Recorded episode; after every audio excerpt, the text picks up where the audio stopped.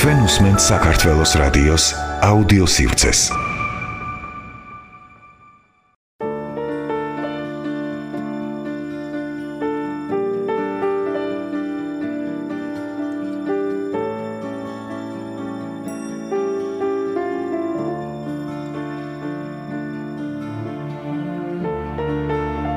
საქართველოს რადიოს აუდიო სივრცე გთავაზობთ. თამას ტყემალაძის პოდკასტს. ქართული კლასიკური მწერლობა.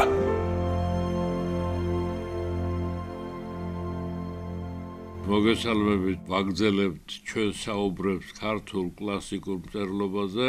ამჟამად ჩვენი საუბრის თემა იქნება ქართული რომანტიზმის პირველ დამწყები ჩვენს ქვეყანაში, დიდი თავადი, დიდი ოჯახის შვილი, დიდი ბიოგრაფიის პატრონი ალექსანდრე ჭავჭავაძე. საერთოდ ჩვენ როდესაც რომანტის გვასწავლიდნენ, ძალიან ვრცელი თემა არის ესა.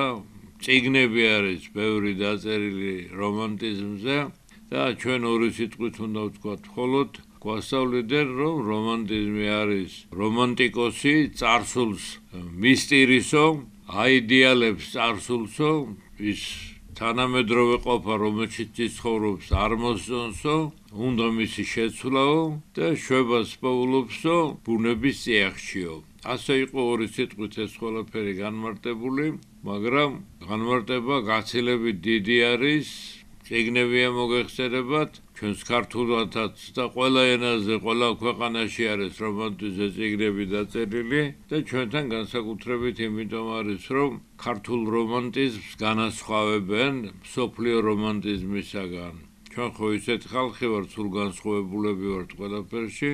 და ქართული რომანტიზმი როგორ განსხვავდება სოფლიო რომანტიზმისაგან? აი ის დიდი სევდა რომლის იქითაც ვერავითარ პერსპექტივას ვეღარ ხედავს სოფლიო რომანტიზმი, ქართულში შეცვლილი არის, ქართველი რომანტიკოსი მომავალში გამარჯვებას ხედავს, მომავალში წარმატებას ხედავს და იმ ვითარების შეცვლას, რომელშიც ის იმყოფება იმჟამად, რომელიც მას არ მოსწონს. ასე ჩვენი სიტყვებით რომ ვთქვათ, ვიდრე ჩვენ ალექსანდრე ჭავჭავაძეზე ვილაპარაკებდით, აუცილებლად მიმაჩნია და თქვენც ალბათ ასე ფიქრობთ, რომ მის ოჯახურ წრეზე ვილაპარაკოთ და განსაკუთრებით ყურადღება მივაქციოთ მის დიდებულ მამას, გარსევან ჭავჭავაძეს, რომლის ბადალი პიროვნება საქართველოში ერეკლე მეფის მეტი არავინ არ იყო.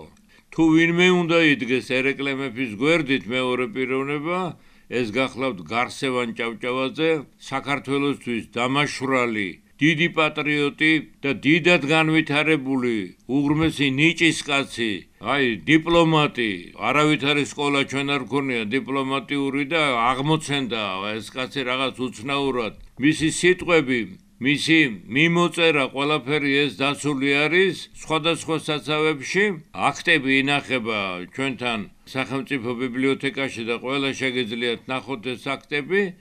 იქ უნდა ნახოთ თქვენ სიმართლე თუ ვინ იყო გარსევან ჭავჭავაძე რომელიც ასე უმოწყალოდ ასე დაუნდობლად მიიღო სამეფო კარმა, მას მოღალატე დაარქვეს და ეს აზრი გავრცელდა იმ დროინდელ საქართველოში, მაგრამ გავრცელდა ნაწილობრივ. უდიდესი ნაწილი იყო მისი დიდი ამაგის დამფასებელი, დიდი პიროვნების შემცნობი, მაგრამ რამდენიმე აღმოჩნდა, რომ იმეორებდნენ ტახტის მაძიებელი მეფის ოჯახის ვაჟბატონების აი ამ უსაფუძვლო და უსამართლო სიტყვებს ჩვენი ელჩისადმი გარსევან ჭავჭავაძისადმი ჩვენ გარსევან ჭავჭავაძეზე რა თქმა უნდა კიდევ ვიტყვით სიტყვას ბევრი რამ არის სათქმელი და ცოტას მაინც ვიტყვით აუცილებლად მაგრამ გარსევან ჭავჭავაძემ ჯერ ოჯახმა საერთოდ ამ ქართულმა ფეოდალურმა დაწინაურებულმა ოჯახმა და მერე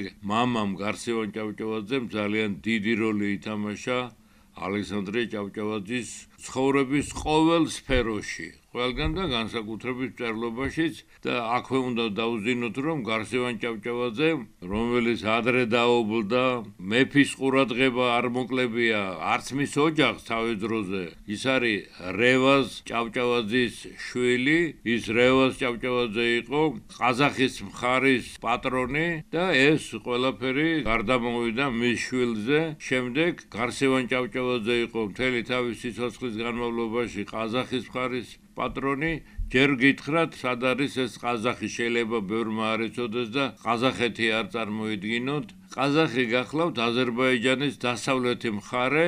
აი ალაზანი ესაზღვრება აი ამ მხარეს. ქვემოთ რომ მიდის ალაზანი აი იმ მხარეს. მურვან ყრუს დაარსებული არის ეს როგორც ქალაქი.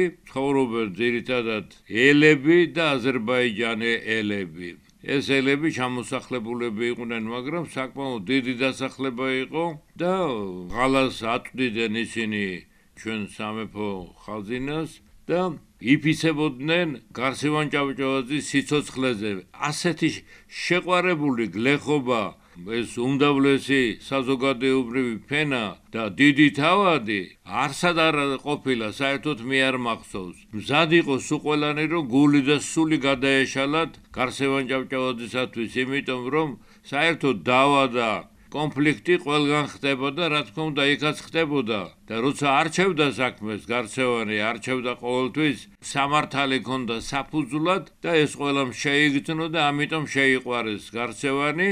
ერთი სიტყვით გარცევანი ძალიან კარგად პატრონობდა ყაზახის მხარეს. თქვენ უსმენთ საქართველოს რადიოს აუდიო სივრცეს. ახლა რა შეიძლება ალექსანდრე ჭავჭავაძეს იყო ის ძალიან განათლებული და მიდრეკილი ლიტერატურისადმი, იმიტომ რომ მისი ოჯახი იყო ასეთი. დედა სათნო ქალბატონი ავალიშვილის ქალბატონი მარიამი და мама გარსევან ჭავჭავაძე და აქვე უნდა ვთქვათ რომ გარსევან ჭავჭავაძეც წერდა ლექსებს და მხატვრული ჩანახატები ჰქონდა, ასე რომ მისთვის პოეზია და ლიტერატურა უცხო არ იყო. ალექსანდრე ჭავჭავაძე დაიბადა პეტერბურგში 1786 წელს. თვე და ეს რიცხვი დაკონკრეტებულად არ არის ცნობილი. 1790 წლის შემოდგომაზე ის ჩამოიყვანეს თბილისში 95 წლის სექტემბრის თვემდე იყო ის აქა. ესე იგი საფხული იყო ნახევარი წელიწადი. ამის შემდეგ ის აიყვანა მამამ პეტერბურგში და არ გაუულია დიდხანს, კერძოდ 11-12 სექტემბერს თავს დაესხა საქართველოს აღა მაჰმად ხანი. რა თქმა უნდა, გარსევან ჭავჭავაძე უკვე ელჩი იყო სრულუფლებიანი საქართველოსი და მხოლოდ და მხოლოდ ეს მოტივი იყო და ეს საკითხი მისთვის, რომ როგორმე გამოეგზავნა ჯარი საქართველოსში, უკვე მიასეთ პირდებოდნენ საქართველოს შველას რუსები დააძიძგნინეს აღა მაჰმად ხანს მთელი საქართველო და იმის შემდეგ ადვილად შეიერთეს ამ შეერთებაზედაც მე თქვენ გეტყვით თავის დროზე ორიოდე სიტყვას ასე რომ 95 წლისათვის ალექსანდრე წავჭავაძე უკვე არის პეტერბურგში. ბარემ აქვე ვთქვათ, რომ პეტერბურგში როდესაც დაიბადა ალექსანდრე წავჭავაძე, არ გაუულია დიდხანს და ფლათოთო ბავშვი მონათლა იმპერატრიცა ეკატერინე მეორემ და მისმა შვილიშვილმა ალექსანდრემ, რომელიც შემდგომ იქნება ალექსანდრე პირველი იმპერატორი. აი ეს ნათლობა დიდ მნიშვნელოვანი რამე იყო საქართველოსათვის, ეს ნიშნავდა ზოგადად საქართველოსთან დიდ დანათესავებას საიმპერატორო ოჯახისა.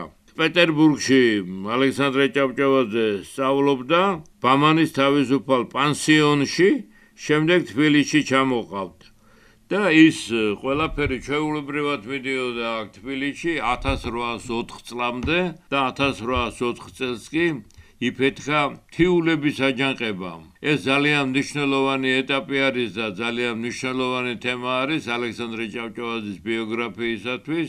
აჯანყება არ მოხდებოდა, რომ ადამიანური რაღაცა ოდნავი გზნობა ქონებოდათ ამ რუსის სალდათებს და მათ მეთაურებს. მოხდა ისე, რომ გზის გაწმენდა იყო საჭირო ფასანაურიდან სტეფანწმინდამდე დიდი თოვლი მოვიდა იმ წელიწადს და გამოყავდათ ხიშტით და מחველით მათრახის ცემით ეს გლეხობა. ბევრი შემოაგდათ ხელში ცემდნენ პირდაპირ ამ გლეხობას. 22 კაცი მოკლეს. 22 კაცის მოკლა გზისპირა მაცხოვრებლებისათვის რამდენია? თითქმის ყოველ ოჯახში კაცი მოკლეს რა თქმა უნდა არავინ ამ ამბავს არ გაატარებდა ესე თითქოს არაფერი მომხდარაო შეიკრიბა ხალხი იყო ჩომჩომი საუბარი შემდეგ შეერთდნენ შემდეგ მეტაურები დასახეს და ამის შემდეგ იწყება შერკინებები რუსებთან და პირველ ხანებში სულ უგებდნენ რუსებს ბრძოლაში. ძალიან ბევრი რუსი სალდათი გაწყდა თვითონაც ხვდებოდნენ მაგრამ იმარჯვებდნენ ხოლმე აიღეს ფასანაური, აიღეს დუშეთი და ასე შემდეგ. ამ დროს იმერეთის მხარეში იმყოფებოდა იულონ ბატონიშვილი და ფარნაუს ბატონიშვილი. იქ გაგზავნეს ხალხი რომ გადმოდითო გმოგხვარეთო და პირველ ხანებში ვერ შეძლეს გზები იყო ისე შეკრული და იმის შემდეგ რომ მოახერხეს და ჩაუდგნენ ამ აჯანყებას, აი ზუსტად ამ ეტაპიდან თბილისიდან გაიპარება. ცხენს მოახდა ლამაზი პატარა ყმაწვილი ბიჭი. 18 წლისაც არ იყო მაშინ ალექსანდრე ჭავჭავაძე და დაუდგა იულონს და ფარნაოს ბატონიშვილს გვერდით და შეფიცა ერთგულება. ეს დაფიცებები ჩვეულებრივი მომენტი იყო. შეფიცული არაზრუს არ უღალატებს არავის იმიტომ რომ ჩვენ ვართ ქრისტიანები ჩვენ ვართ მართლმადიდებლები ჩვენ გვიყვარს მართლმადიდებლური საწმუნოება და ხატზე დაფიცება ეს ისეთი ძალა არის რომ კასი სიцоცხლე აღარ ახსოვს ახსოვს ის რომ არ უღალატოს ხატის სიტყვას და აი ასეთი შეფიცული შეიქმნა ალექსანდრე ჭავჭავაძე. ამის შემდეგ რამდენიმე ბრძოლა მოხდა და ბოლოს როგორც ცნობილია, დამარცხდა თეულების აჯანყება, ბატონიშვილები გაიქცნენ იქედან, ჩამოვიდა სახსალამათი კი ალექსანდრე თბილისში, მაგრამ იყო შემდეგ დიდი სასამართლო, ამ სასამართლომ ციციანოვი იყო ამ დროს საქართველოს მართველი, ციციანოვს არ უყარდა გარსევან ჭავჭავაძე და არც გარსევანი გიждდებოდა მასზე და როგორმე მოახერხა ციციანოვმა რომ გარსევან ჭავჭავაძესაც ბრალი დასდეს იმაში რომ შვილმა უღალა და მეფის რუსეთის მთავრობას და როდესაც სტამბოვში გადაასახლეს ის სამი წლით გარსევანი გაყვა წერია ისტორიებში მაგრამ გარსევანი კი არ გაყვა გარსევანის გააყოლეს შვილს დიდხანს არ ყოფილა გადასახლებაში ალექსანდრე ჭავჭავაძე, იმიტომ რომ იმპერატორის ნათლული იყო, აპატიეს ახალგაზრდობაში ჩაუთვალეს ეს ყველაფერი, პეტერბურგში დაბინავდნენ ერთხანს და მე მინდა აქვე თქვა რომ ძალიან დიდი ხნის განმავლობაში ალექსანდრე ჭავჭავაძეს მეფის წინააღმდეგ არაფერი აღარ ჩაუდენია, თუმცა ის 1832 წელს მაინც დაიჭირეს, კიდევ ერთხელ ტამბოვში გაგზავნეს, მაგრამ მანამდე დიდი დრო გაივლის.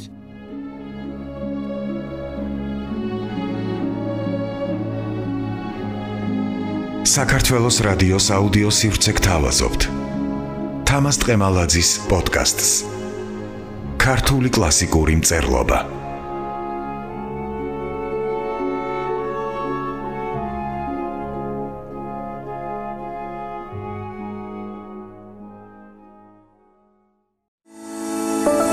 საქართველოს რადიოს აუდიო სივრცე.